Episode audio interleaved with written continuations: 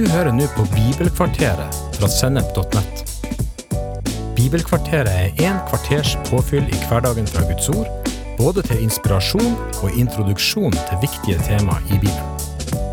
Du vil også finne mer stoff på Sennep.nett som gir deg inspirasjon til å følge Jesus i hverdagen.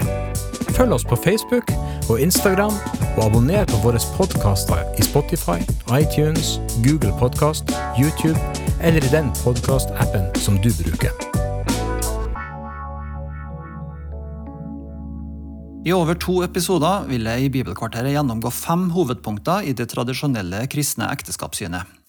Jeg vil berøre hva som er spesielt med ekteskapet slik Bibelen framstiller det, og hvordan det berører dagsaktuelle tema som likestilling, barneoppdragelse og sex. Sekularisering er et ord vi kristne snakker mye om for tida. Fenomener forstås ikke lenger som hellige eller spesielle eller betydningsfulle i lys av at Gud finnes, men de nedstrippes for den religiøse betydninga vi tidligere ga dem. Ord som ekteskap, helligdag, Gud og kjærlighet gis et annet meningsinnhold blant både religiøse og sekulære, og det er ingen automatikk i at vi lenger mener det samme når vi snakker om ekteskap. Blant oss som preges av en sekulær tankegang, tenker vi sjelden på ekteskap som noe mer enn en tradisjonell samlivsform. Den er langt fra en garanti mot samlivsbrudd eller problemer, men av alle ufullkomne alternativer er den ikke så verst. Samtidig, når vi vet at mange ekteskap ender med skilsmisse eller store konflikter, er det vanskelig å fastholde at ekteskapet er noe overlegen suksessformel, sammenlignet med samboerskap eller homofile samliv. Og For mange er dette eh, spørsmål kun av praktisk art om en velger å arrangere en bryllupsfest for slekt og venner eller ikke. Ja, dette er ganske utbredte oppfatninger i dag. Det kan godt hende at sekulariseringa vil gå enda lenger her til lands før vi gjenoppdager at ekteskap, slik som det framstilles i Bibelen, egentlig har et helt annet grunnlag for den særstillinga det har i Bibelen. Ekteskapet, slik Bibelen framstiller det, er nemlig mye mer enn en mellommenneskelig samlivsform. Et kristent ekteskap er en form for hengivelse til Gud.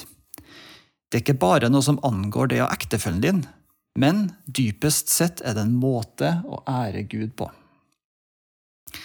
Ekteskapet er nemlig ment å gjenspeile hvem Gud er. Hvordan man behandler sin ektefelle, har ikke bare betydning for han eller hun, men det demonstrerer òg at evangeliet er på vei inn i verden. Og det er kanskje ikke så kjedelig som det kan høres ut som så langt. Så la meg ta det gjennom fem punkter.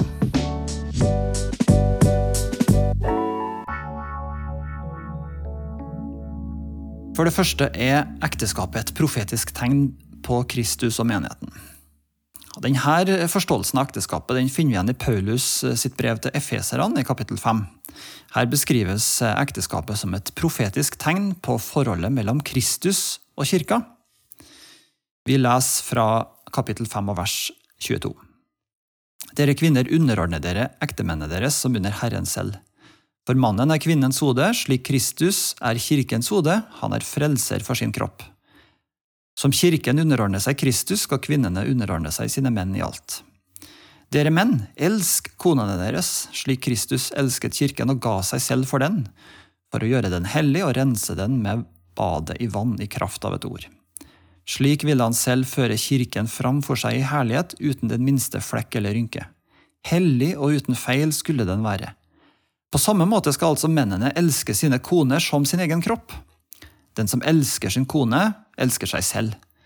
Ingen har noen gang hatet sin egen kropp, nei, man gir kroppen næring og pleier den på samme måte som Kristus gjør med kirken. For vi er lemmer på hans kropp. Derfor skal mannen forlate far og mor og holde fast ved sin kvinne, og de to skal være en kropp. Dette er et stort mysterium jeg tenker på Kristus og kirken. Men det gjelder også hver enkelt av dere. Hver mann skal elske sin kone som seg selv, og hun skal ha respekt for sin mann.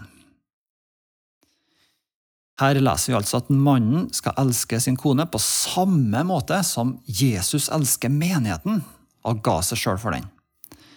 Slik som kirka opplever agapekjærlighet gjennom Kristus, er ektefellene kalt til å elske hverandre trofast, eksklusivt og gjensidig.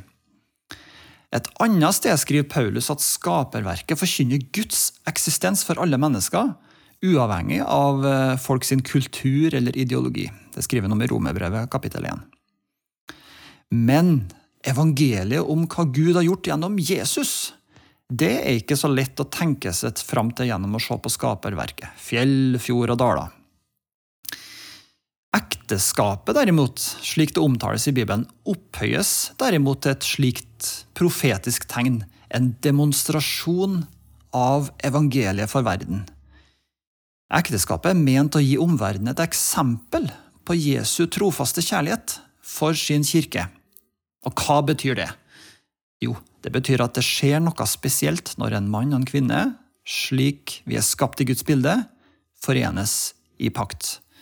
Gjennom å leve trofast sammen i Kristus, den detaljen er viktig, blir de levende eksempler av Guds trofasthet, kjærlighet, tilgivelse og nåde.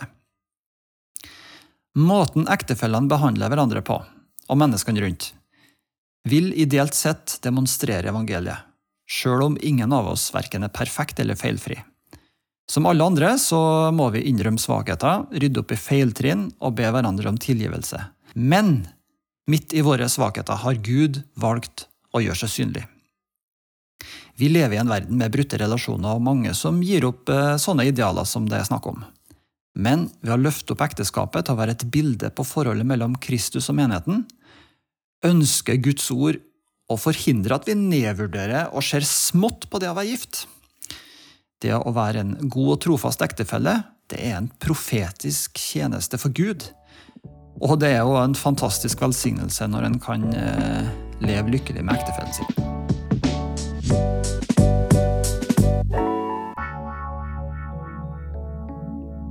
Det andre punktet som jeg har lyst til å snakke om, det er at ekteskapet er en pakt som gjenspeiler Gud. Det kristne ekteskapet er altså en pakt. og Det er jo et ord som brukes veldig sjelden av oss. Men i Bibelen så er pakt sentralt for å forstå hvordan Gud opererer. Pakt handler om en form for trofasthet, forpliktelse og gyldighet som stikker langt dypere enn vanlige avtaler eller kontrakter.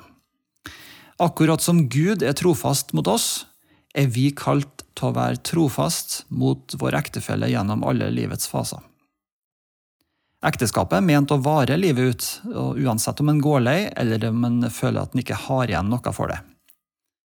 I første Mosebok er samlivet mellom mann og kvinne omtalt for første gang i Bibelen. I kapittel 2 og i vers 21 så står det følgende. Da lot Herren Gud en dyp søvn komme over mannen, som da er Adam. Mens han sov, tok han et ribbein og fylte det med kjøtt. Av ribbeinet Herren Gud hadde tatt fra mannen, bygde han en kvinne, og han førte henne til mannen. Da sa mannen, nå er det bein av mine bein og kjøtt av mitt kjøtt. Hun skal kalles kvinne, for av mannen er hun tatt. Derfor skal mannen forlate sin far og sin mor og holde fast ved sin kvinne, og de to skal være én kropp. Her framgår det at mannen skal forlate sin far og sin mor og holde seg til sin hustru, og de to skal være ett. Båndene til sine egne foreldre de er altså ment å løsnes når en stifter sin egen familie. Man går fra å være lojal mot foreldrene og deres tradisjoner, til å stå sammen med ektefellen i små og store spørsmål. For noen innebærer dette å markere grensa mot eh, storfamiliens innblanding i eh, smått og stort. For andre handler det kanskje om å ikke gli inn i et eh, slags privatisert kjernefamilieliv, hvor en skal klare alt sjøl, uten hjelp fra andre.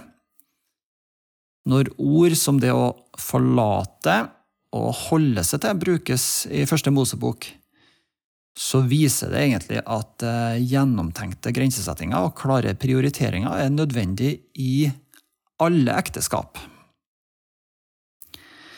For at et ekteskap skal bli en kilde til liv og velsignelse for begge parter, så er det noen viktige prinsipper som må prege forholdet.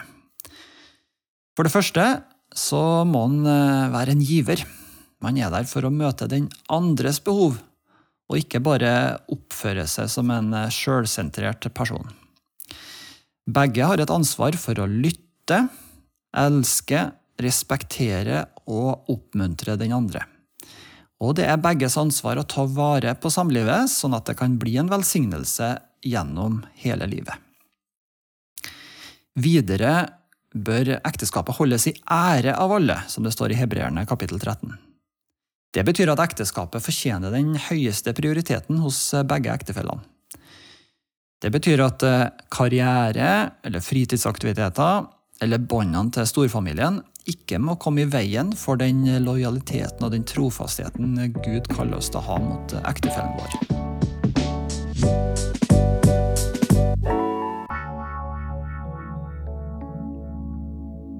Så beveger vi oss inn på punkt tre i gjennomgangen min. Og Det handler om at mannen er kvinnens hode, og det med underordning og sånt.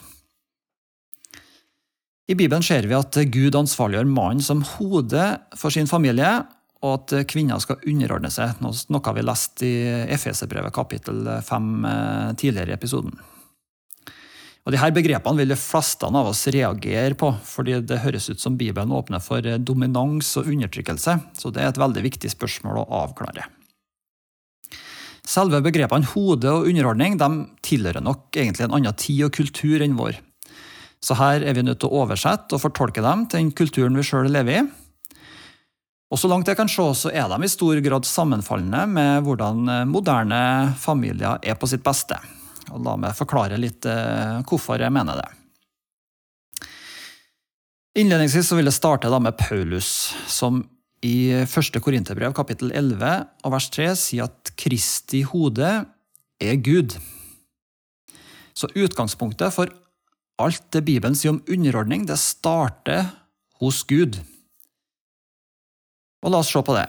Jo, Jesus han valgte å akseptere og være lojal til Guds plan og Guds lederskap ved å snakke godt om eh, Gud som far, ved å samarbeide og være trofast mot han, helt til Jesus døde på korset.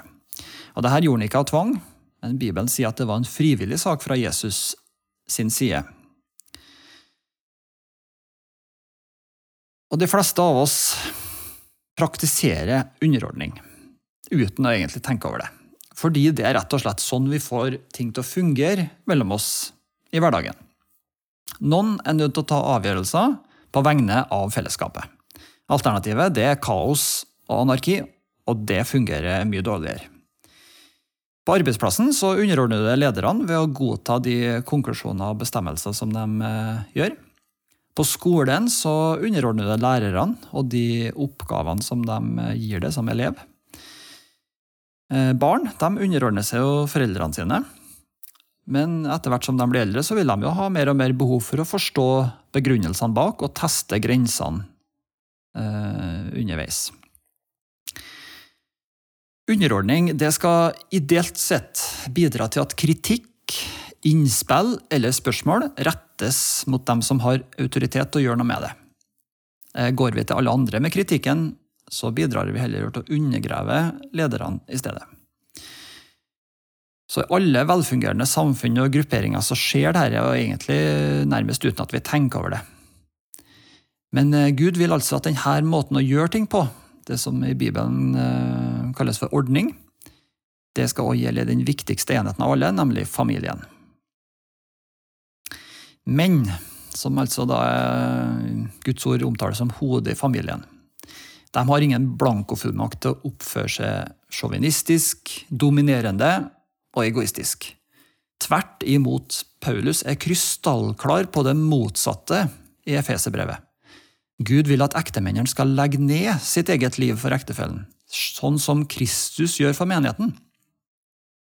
Kristne ektemenn kan derfor ikke fraskrive seg ansvaret for familien, men de trenger å være ydmyk, lyttende og hensynsfull.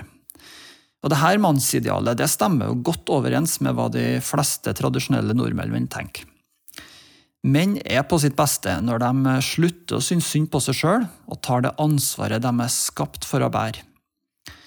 Vi trenger å øve oss på å bli trygge nok til å ta imot eh, feedback og til å bruke skjønn til å bedømme hva som er viktig og mindre viktig i ulike situasjoner vi møter. Menn er på sitt beste når de er sjøloppofrende og får dem rundt seg til å få trua på seg sjøl.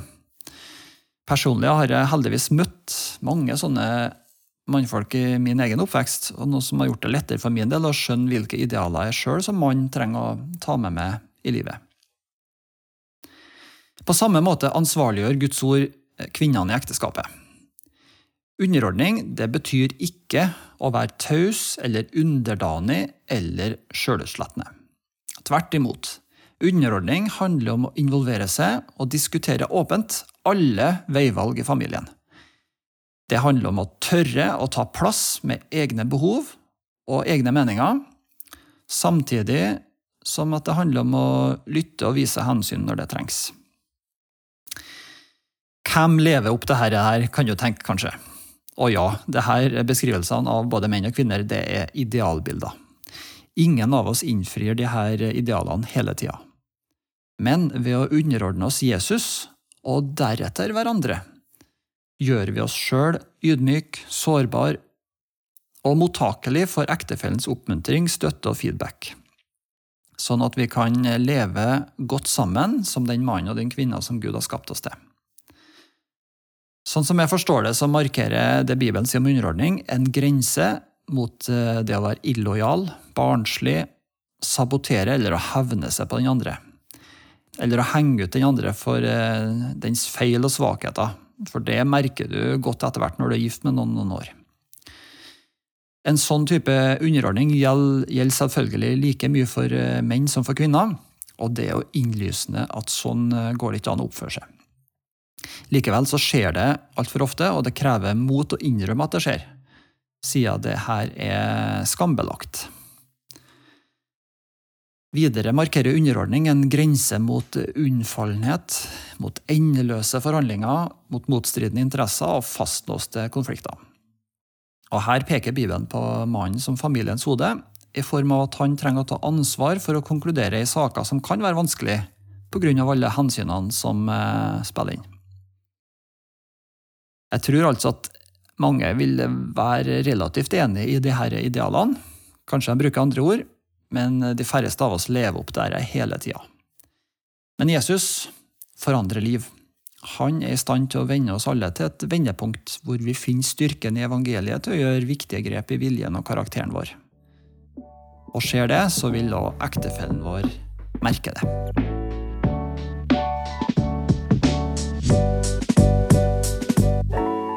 Du har hørt en episode fra Bibelkvarteret på sennep.nett.